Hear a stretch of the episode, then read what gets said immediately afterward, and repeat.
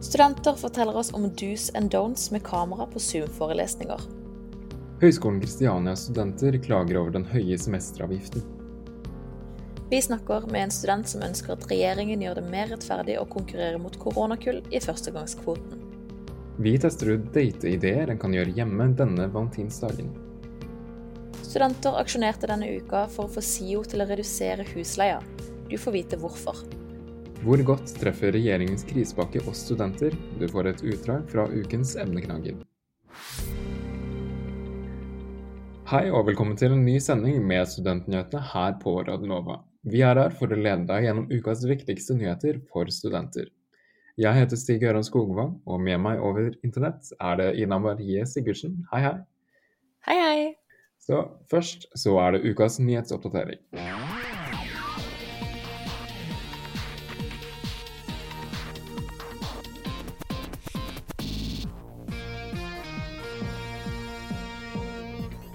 En fersk undersøkelse fra NOKUT viser at norske studenter er mer ensomme, får dårligere faglig utbytte og savner det sosiale miljøet de får på universitetene. Dette melder VG. Halvparten av alle studenter sier de er mer ensomme nå enn før pandemien, og fire av fem sier at de savner det sosiale studentmiljøet. 30 000 studenter fra hele Norge deltok i studien, hvor det ble besvart en rekke spørsmål om studiehverdagen og hvordan den har endret seg etter koronarestriksjonene kom 12.3.2020. FHI ønsker å lette restriksjoner for studenter, og på en pressekonferanse onsdag sa de at de vil anbefale å lempe på restriksjoner for fysisk tilstedeværelse på universiteter og høyskoler. Dette pga. bekymring rundt den lange tiltaksbyrden til studenter og unge, og konsekvenser av dette. Dette melder Krono. Politihøgskolen flytter flere studenter til Oslo. Ansatte ved Oslo politihøgskole ønsker å flytte studenter i Bodø og Stavern til hovedstaden, slik at fagmiljøet slipper å nedbemanne så mye som det var planlagt for 2021. Dette innebærer at Politihøgskolen i Oslo får én klasse mer i 2021 enn i 2020, og antall studenter i Stavern reduseres til nivået med Bodø. Det var ukas nyhetsoppdatering, og mitt navn er Ina Marie Sigurdsen.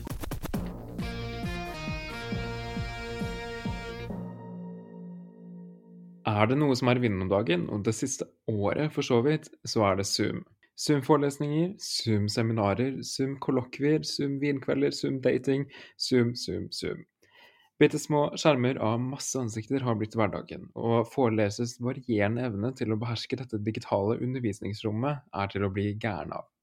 Men med dette har det også oppstått nye former for hva som er innafor og ikke, og det er særlig med tanke på kamerabruk. Nora har i denne anledning tatt en liten Q&A med fire studenter om deres kameravaner på Zoom. Når vi tenker på disse semestrene vi har bak oss, hva tenker vi på? Zoom. Zoom. I hvert fall jeg. Zoom. I hvert fall jeg. Men hva med Zoom? Jo, det evige dilemmaet. Er det innafor med kamera nå, eller ikke? Har du kamera på Zoom-forelesninger? Nei. Ja, jeg pleier det, altså. Med Ja. mindre det er liksom forelesning med over eh, 150 takk, og ingen har kamera. Som oftest ikke.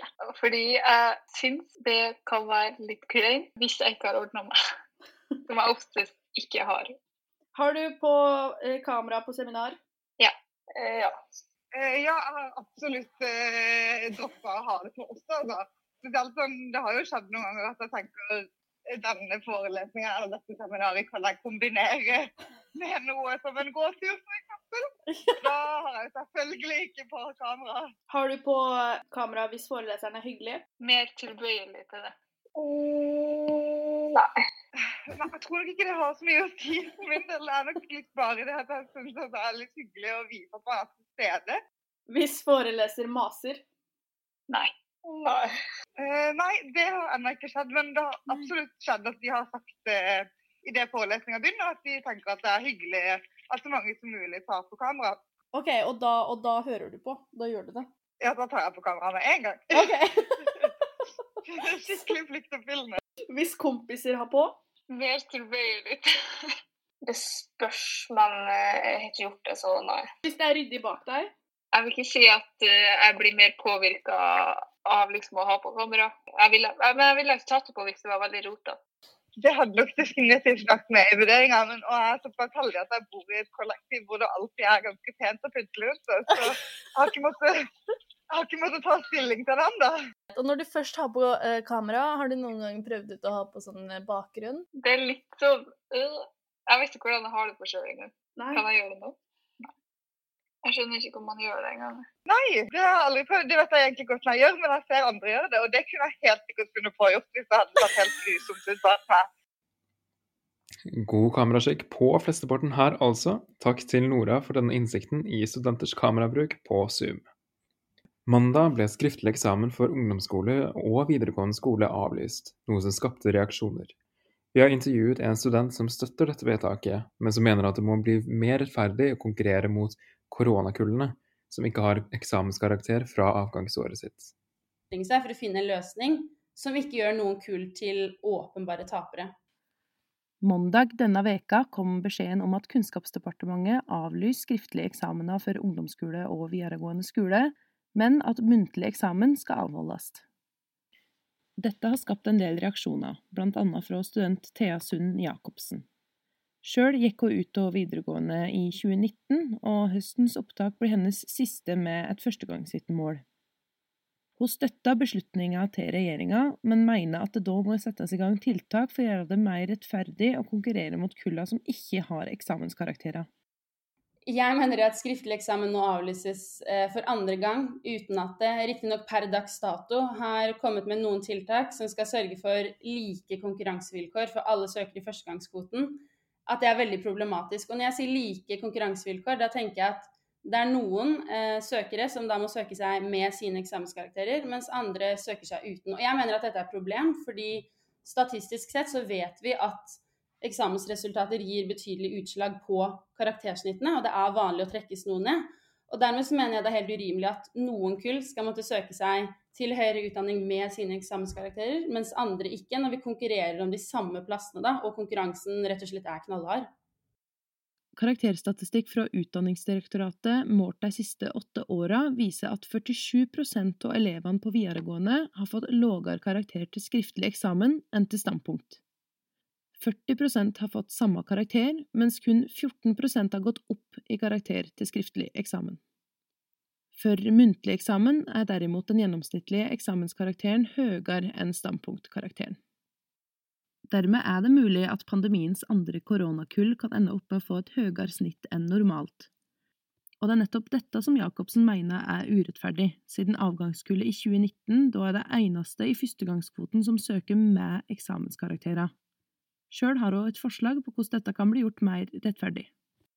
Jeg har jo kommet med et uh, konkret forslag, uh, og det er jo nettopp det å uh, stryke eksamenskarakter til alle kull som til enhver tid konkurrerer med koronakullene, altså da fjorårets og årets avgangselever i førstegangskvoten.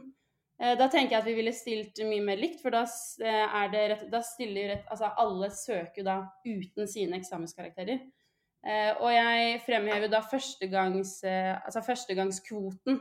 Og det er jo da det vitnemålet du kan søke med inntil året du fyller 21.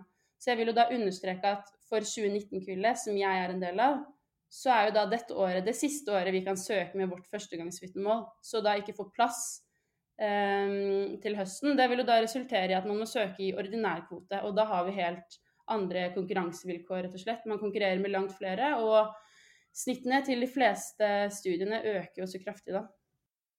Kunnskaps- og integreringsminister Guri Melby og forsknings- og høyere utdanningsminister Henrik Asheim var begge utilgjengelige for å svare på spørsmål fra studentnyhetene på torsdag. Men på mandagens pressekonferanse påpekte Melby at man tross alt ikke veit hva som kommer til å skje med karaktersnitta til de som går ut av videregående denne våren, men at de likevel ikke utelukker tiltak når det gjelder opptak til høyere utdanning. Vi vet jo ennå ikke hva som kommer til å skje med vitnemålene til dem som nå skal gå ut av videregående skole. Det er fortsatt fire måneder igjen. Eh, og det som blir viktig for meg nå, er at vi har en god prosess sammen med alle som jobber i skolen, og sammen med elevene også, for å kvalitetssikre det vitnemålet mest mulig. For det er viktig at elevene får karakterer som reflekterer deres kompetanse. Og så er vi selvsagt åpne for å vurdere um, tiltak knytta til opptak Men jeg er også veldig redd for at man skal begynne å lage særordninger, for da dukker det fort opp noen andre urettferdigheter i en annen ende. Og da Jacobsen presenterte forslaget sitt for statsråden på Dagsnytt 18 på mandag, bekrefta hun også der at Kunnskapsdepartementet har vurdert den type forslag. Videre sa hun at problemet med et slikt forslag er at det vil være elever der dette slår uheldig ut, fordi det kan være elever som har gått opp på eksamen og derfor kanskje ikke kommer inn på studiet hvis eksamenskarakteren strykes. Det var et intervju med student Thea Sund Jacobsen, som håper at kullene i førstegangskvoten stiller mer likt til høstens opptak til høyere utdanning. Reporter i saken var Mari Ranheim. Tirsdag denne uka aksjonerte en rekke studenter ved å henge opp rundt 500 plakater og legge ut flyers i alle SIO sine studentbyer i både Oslo og Lillestrøm med slagord for å redusere SIOs leie, ifølge kampanjen Reduser husleia. Derfor har vi pratet med Nina Arnesen og Sigrid Elise Høek, som, dere, som begge står bak kampanjen sammen med en del andre. Hvorfor startet dere akkurat denne kampanjen mot SIO? Eh, Det starta som en underskriftskampanje etter at SIO hadde lagt ut en film på Instagram-kontoen sin med tips til hvordan studenter kunne leve på under 50 kroner eh, frem til neste studielån kom. Da. Det var jo mange reaksjoner som kom på det, og de beklaget jo dette. Men eh, det er jo et reelt problem, og vi mener at nå måtte vi gjøre noe, da. Så da tok vi initiativ til å lage en underskriftskampanje eh, for at SIO skulle redusere husleia. Det er mange som er eh, ledige eller har fått sparken eller eh, ikke klarer å få seg jobb nå pga. korona mer enn vanlig. Så det er jo et reelt problem blant veldig mange studenter altså, at de faktisk er ordentlig fattige. Da. Og fattigdom er på en måte ikke humoristisk. Spesielt ikke eh, når SIO har en mulighet til å gjøre noe med fattigdommen blant studentene gjennom å sette ned husleia. Da. Og vil faktisk kunne hjelpe på ganske mange av studentene i Oslo sin eh, psykiske og ø, fysiske helse. Hvorfor er det så viktig at akkurat SIO går fram og, og reduserer husleie? Generelt da, så er det jo et Boligmarkedet i Oslo er jo veldig veldig problematisk på mange måter og er veldig urettferdig og rammer fattige aller hardest. Og studenter er en gruppe der som er veldig representert på leiemarkedet. Og SIO skal legge til rette for denne gruppa og er i motsetning til mange av de andre eh, utleierne faktisk eh, en demokratisk organisasjon. Så derfor har de en mulighet til å gå fram eh, som et godt eksempel og gjøre det som er riktig, da, nemlig å sette ned leia for en gruppe som er veldig fattig og som ikke har råd til å betale den leia som vi betaler i dag. Da. Selv om det selvfølgelig er stor variasjon mellom ulike studentboliger hvor man betaler, og de i SIO ofte sier at de ligger under markedsprisen, så ligger de veldig tett på den. Og eh, har ikke egentlig en interesse å faktisk liksom legge til rette for at vi skal eh, kunne betale det vi har råd til da, med det studielånet vi har i dag. Eh, Det kom jo også veldig tydelig frem uh, under koronapandemien når studenter har blitt permitterte, at studenter ikke har rettigheter noen andre steder. Og da er det jo studentsamskipnadene som har uh, som ansvar å ivareta studentenes velferd. Altså De har jo et annet mandat enn å bare være en bolig... Eller ja, konkurrere på det private markedet, da. Eh, SIO har jo uttalt eh, tidligere at de, eh, de tross alt ikke tjener penger, og de skal drive med minst mulig avkastning. Hvordan føler dere at, at det, argumentet, det argumentet holder, da? Eh, altså, det har jo blitt eh, poengtert flere ganger at eh, SIO holder en del ting De er jo unntatt fra denne offentlighetsloven, eh, og derfor så holder de en del ting skjult. Og det er jo fordi pga. Liksom konkurranseutsettelse, sier de da. Så vi opplever litt at det er en motsetning i det argumentet der. Så på den ene siden så eh, sier de at de på en måte ikke driver som en bedrift, men på den andre måten så er det jo det de gjør, ikke sant. Man eh, selger boliger under korona, man selger studentboliger til tross for at det er eh, behov for flere studentboliger. Så ble det solgt studentboliger på Bjerke og på Grünerløkka. Og så sitter man igjen med store eh, summer som kunne blitt brukt i en krisetid til å hjelpe studentene gjennom å sette ned eh, leia. Istedenfor så bruker man til videreinvestering. Og vi er ikke imot at man skal investere og bygge bra studentboliger, men vi er veldig imot at det skal skje på bekostning av studentenes velferd. Så da må SIO som en organisasjon som skal representere oss på mange måter, jobbe for å få inn flere inntekter, og ikke for å ta inntekter og liksom tjene mest mulig penger på studentene. Så det blir helt feil måte å løse problemene som vi har i dag på. Den billigste eh, hybelen til SIO ifølge SIO sine nettsider er en umøblert hybel mellom 10 til 11 kvadratmeter, der man deler bad og har felles kjøkken. Der er prisen fra 3252 kroner til 3733 kroner i måneden. Er det så mye da? I seg selv så er det selvfølgelig ikke noe galt med å dele bad og kjøkken med mange andre og bo på et lite areal, men det er jo ikke sånn at det er så veldig mange som faktisk betaler så lite av de som bor i studentboligene i dag.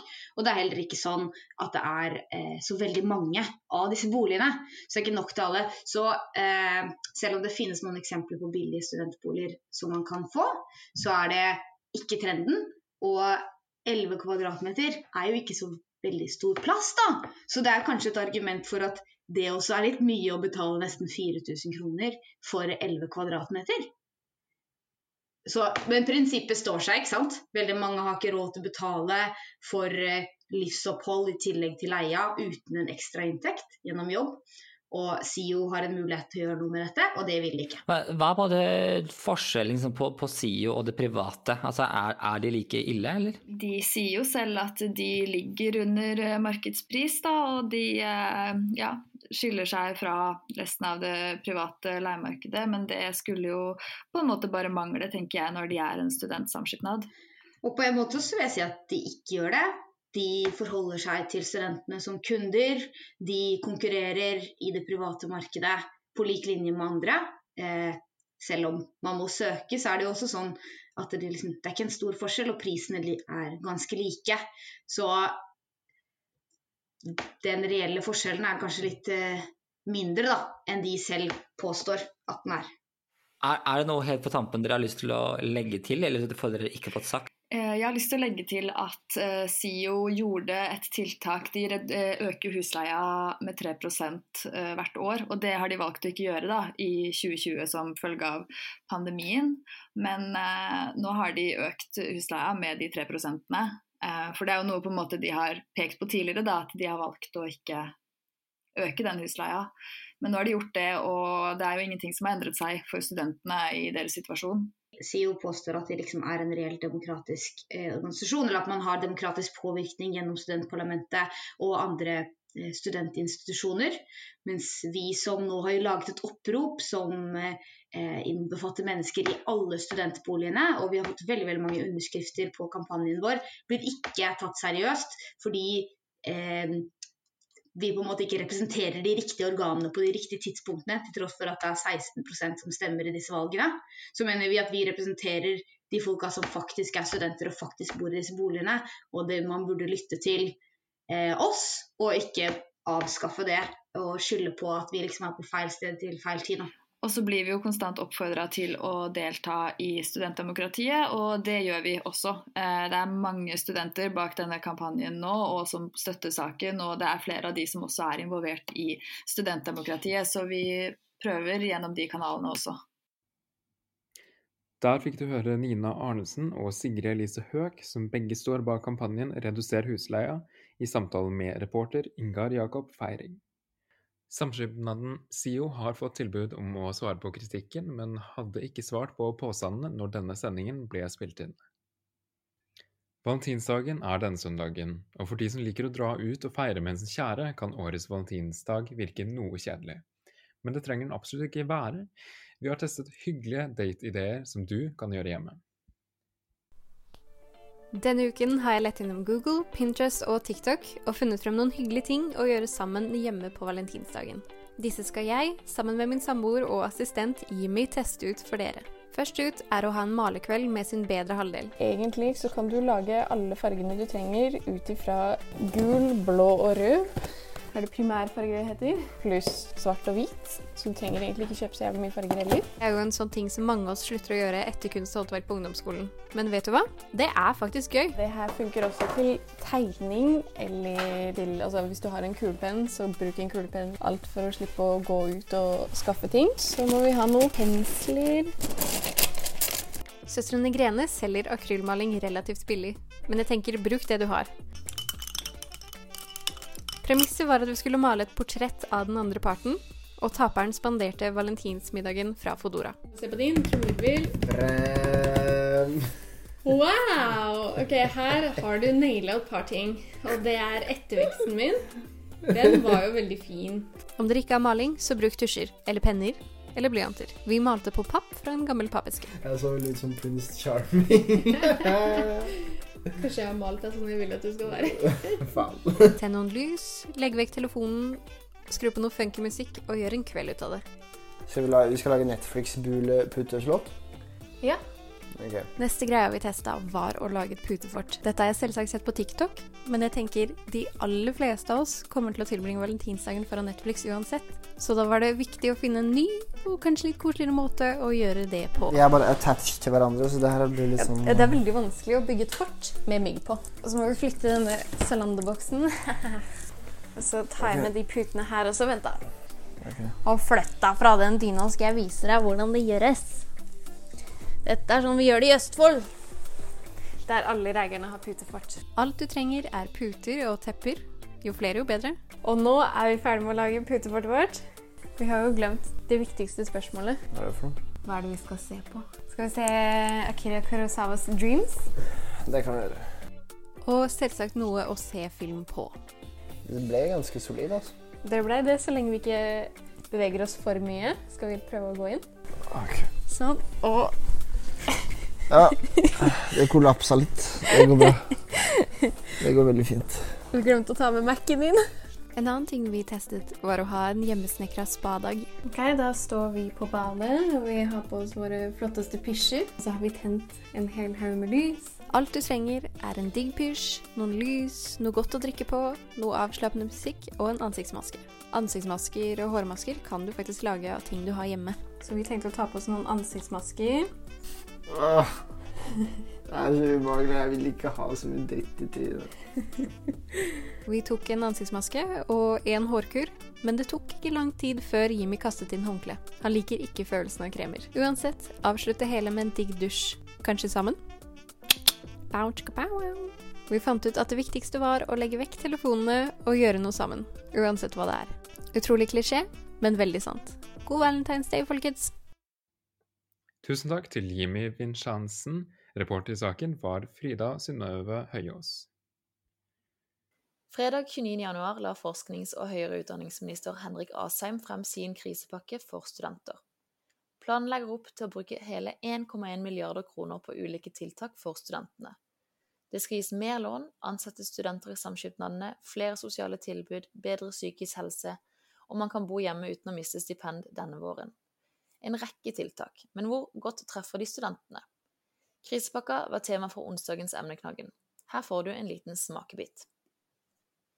Vi har jo også med oss eh, nå eh, bachelorstudenten Kjerstin Irges eh, Utler. Og Kjerstin, du studerer andreåret på utviklingsstudier på Oslo Met, Storbyuniversitetet. Og i høst så skrev du en kronikk i Dagbladet om situasjonen som ville mange studenter var i i høst. Eh, og hvordan gikk egentlig økonomien for deg før korona kom? Uh, hei.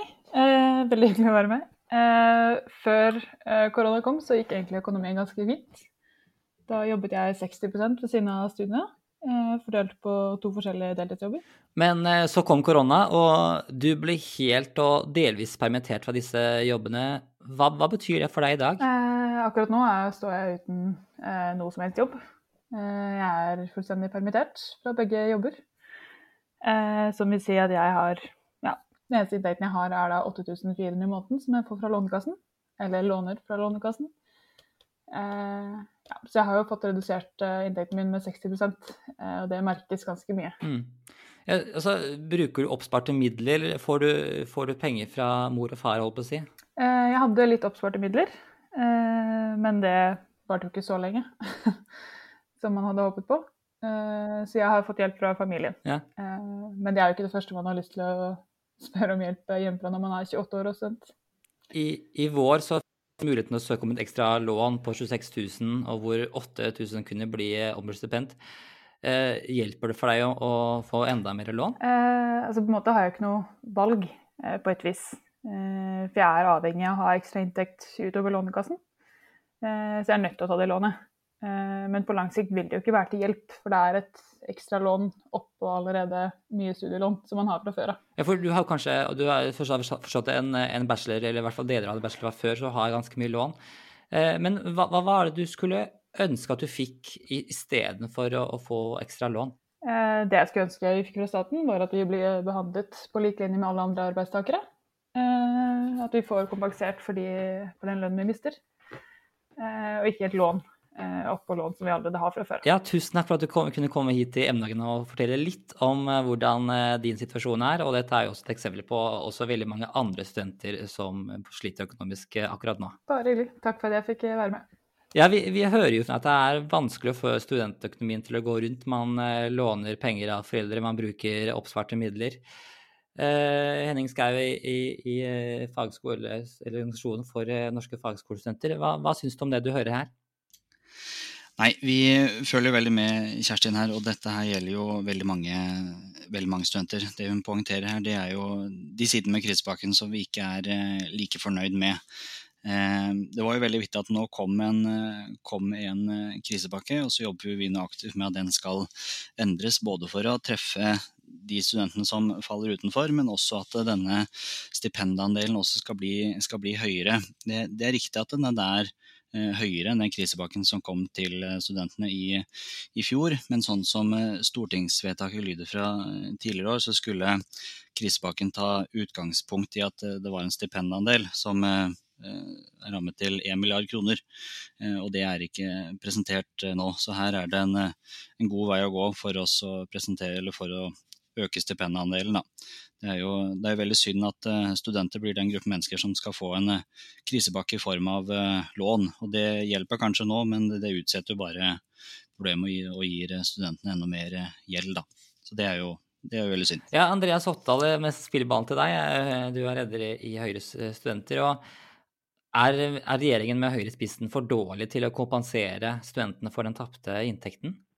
Det mener jeg i utgangspunktet ikke. Jeg mener ikke at eh, dagpenger, eh, som noen tar til orde for, er løsningen her. Man skal ikke, man skal ikke bruke krisen til å, å gjøre, eller lage et system som ikke vil fungere godt utenfor krisen. Det mener jeg ikke er riktig. Jeg forstår veldig godt Kjerstin og, og hennes utfordring. Man skal også huske på at ikke alle har oppsparte midler, og at ikke alle har foreldre de kan spørre om hjelp. Så hennes eh, problemstilling er en problemstilling vi skal ta alvorlig. Og nettopp derfor så, så mener jeg at det er bra at eh, man har valgt å fokusere bredt. At man ønsker å nå flere enn man nådde sist i den nye krisepakken. At det, også de som ikke har en arbeidskontrakt, men som er ekstravikarer, skal kunne inkluderes. Og at eh, man da har behov for at det er en eh, andel lån, det syns jeg er greit. Jeg mener at, eh, at det er viktig at man treffer bredere, og at, eh, at hvis da alternativet var høyere stipendandel til, til, flere, til færre, så er det en dårligere løsning i, i mine øyne. Søk opp Studentnyhetene der du finner dine podkaster, så ligger hele debatten ute der. Programleder i studio var Ingar Jakob Feiring. Høgskolen Kristianias studenter klager over den høye semesteravgiften. På drøyt én uke har underskriftskampanjer for å endre semesteravgiften til Høgskolen Kristiania fått over 2200 underskrifter og 329 delinger på Facebook. Nå skal du få høre hva studenten Yasari mener om saken, og hva prorektor Sverige har å si til høyskolens forsvar. Med endring i læreplanen som innebærer klasseundervisning, finner jeg det veldig uproporsjonalt å betale en pris som er ment til fysisk læring, for så å få nettstudiet som skolesituasjonen de facto er i dag. Vent, her? Ok, la oss spole enda litt lenger tilbake i tid. Fordi det hele startet på Facebook-gruppen til Høgskolen Kristiania. Vanligvis er gruppen som skolegruppe flest. Du kjenner kanskje igjen den gruppen der hvor 90% av innleggene handler om at folk ber andre om å delta i disse spørreundersøkelsene. Men på mandag forrige uke kom det et nytt innlegg som fikk mer enn 370 likes og 60 kommentarer. I dette innlegget spør Jan Yasari, en digital markedsføringsstudent, om hvorfor han må betale 86 000 kroner i året for å få det han mener er nettundervisning. Og i kommentarfeltet oppfordrer studenter til massesøksmål mot Høgskolen Kristiania. Så er det rettferdig av Høgskolen Kristiania å kreve opp mot 110 000 kroner i året for en høyskole man teknisk sett ikke går til. Jan Yasari, du er skaperen bak dette, kan debattinnlegget. Hvorfor mener du at semesteravgiften per i dag er urettferdig? De bør gi oss det de har lovet. Annet enn det så er det ingen kommentar fra meg. Men han mener fortsatt det er noe Høgskolen Kristiania kan gjøre. Det kan være bl.a. at de tar ned i hvert fall 25% eller at de gir oss eh, noen emner helt gratis. Altså Jeg snakker ikke om et helt semester gratis, men i hvert fall noen emner. Og disse 25% høres kanskje ikke så mye ut. Vel, studentene ved Fagskolen Kristiania har kommet med deres egen underskriftskampanje. Og der krever de faktisk minimum 25% rabatt på alles semesteravgifter. Dersom de hadde fått gjennom det, ville Fagskolen Kristiania gått glipp av over 16 millioner kroner. Og det bare i halvåret. Prorektor Sander Sværi, hva bruker dere penger på når ingen studenter bruker campus? Vi har investert mye i opptaksutstyr, så at vi kan streame undervisningen fra forelesningssalene og, og klasserommene. Eh, og Det gjør jo det at vi kan ha så mange som smitteverntiltakene tillater eh, til stede, og så kan resten følge på stream. Eh, Dette streamingutstyret, det brukte dere over ti måneder på å kjøpe inn. Hvorfor har andre høyskoler og universiteter greid det så mye raskere enn dere? Det er klart det tar tid å å kjøpe inn og montere og, og få det til å fungere eh, i, for samtlige klasserom også. Sverige er også åpen for at tillitsvalgte kan spørre og få se nøyaktig hvordan pengene fra de forskjellige studiene brukes. Og på onsdag hadde dere et møte med to kan kalle de representanter for folk som er sinte på dagens semesteravgift. Mhm. Hva kom det ut av det møtet? Ja, eh, det var et veldig fint møte. Det er viktig å si det at Vi forstår jo selvfølgelig studentenes situasjon veldig godt. Eh, Og Vi hadde et møte med dem, og jeg må si at det er eh, veldig oppegående, eh, gode studenter som har eh, både gjort et eh, Jeg syns begrunnelsen deres, og også det at de peker på at de, de forstår jo at dette her er jo ingen skyld, men de, men de har en frustrasjon rundt undervisningssituasjonen. Men det de i tillegg kom med når vi møtte dem, det var jo veldig mange gode beskrivelser av utfordringer. Og ikke bare det, men også mange gode forslag til løsninger på, på utfordringene. Så det ble egentlig et veldig godt møte som ikke bare handlet om studieavgift, men som også handlet om hva de ser på som utfordringer, og hvordan vi kan løse det. Vi gjør alt som står i vår makt til å gi en god utdanning innenfor det handlingsrommet som vi har. Vi er en stiftelse hvor det er ikke noen som tar ut overskudd. Og vi, siden det ikke er noen som skal ta ut overskudd, alt skal jo tilbake igjen studentene til studentenes beste, så går vi med veldig, veldig små marginer. Og med så mange studenter som vi er, så vil jo en avkortning i studieavgiften begrense vår evne til å gi god utdanning til studentene, rett og slett. Og eh, gjøre andre tiltak da, for faglig og sosial eh, støtte. Så eh, et veldig godt møte, og vi skal møte det mer eh, fremover også. Hvis du måtte iverksette en samarbeidsløsning i dag, og det måtte da være den viktigste, hva hadde den vært? Ja, eh, Den samarbeidsløsningen, det er jo nettopp det vi har gjort. Vi, eh, vi, skal, eh, vi lytter til alle de gode forslagene som de har. Tar med oss tilbake og ser alt hva vi konkret kan eh, gjøre og innfri av de, de tiltakene som de har foreslått. Veldig mye gode tiltak. Men hvis vi, måtte iverksette ett tiltak i dag, hva hadde det vært? Ja, jeg ser blant, annet dette med en, en god støtte ved siden av når studenter har spørsmål eh, som de stiller eh, foreleser, og foreleser har ikke kapasitet til å svare på alt på en gang. Så tror jeg flere assistenter som kan bistå i å svare underveis i forelesningen, kan være et veldig godt tiltak.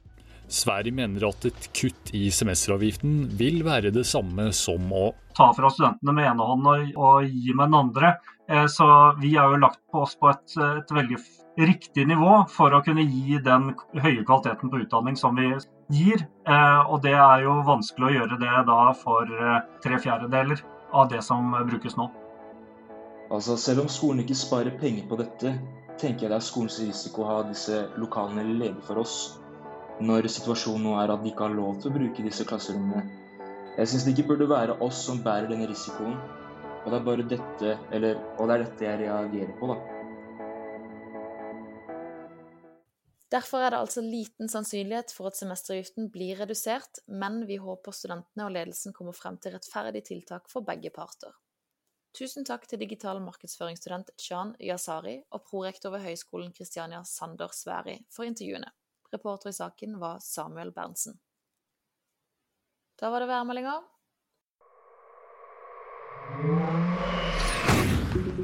Og været i Oslo ser ut til å holde seg fint og kaldt utover dagen i dag, og det er meldt full sol gjennom hele helga.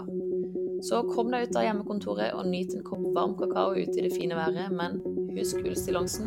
Temperaturen vil nemlig holde seg rundt 5-6 minusgrader på dagen og synke til minus 8 grader på lørdagskvelden, og holde seg rundt 6 minusgrader på søndagen. Været ble presentert av yr.no.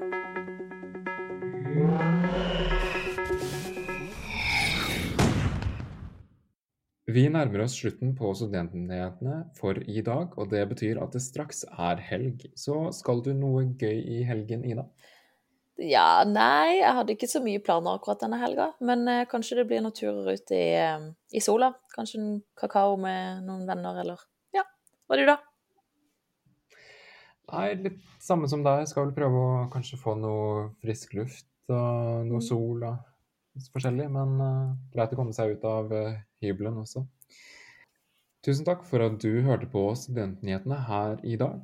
Hør oss gjerne igjen på podkast, og følg oss gjerne på sosiale medier. Vi heter Studentnyhetene der også. Eh, mitt navn det er Stig Gøran Skogevang, og med meg i dag har jeg hatt Ida Marie Sigurdsen, ha en fin dag videre, alle sammen. God helg. God helg.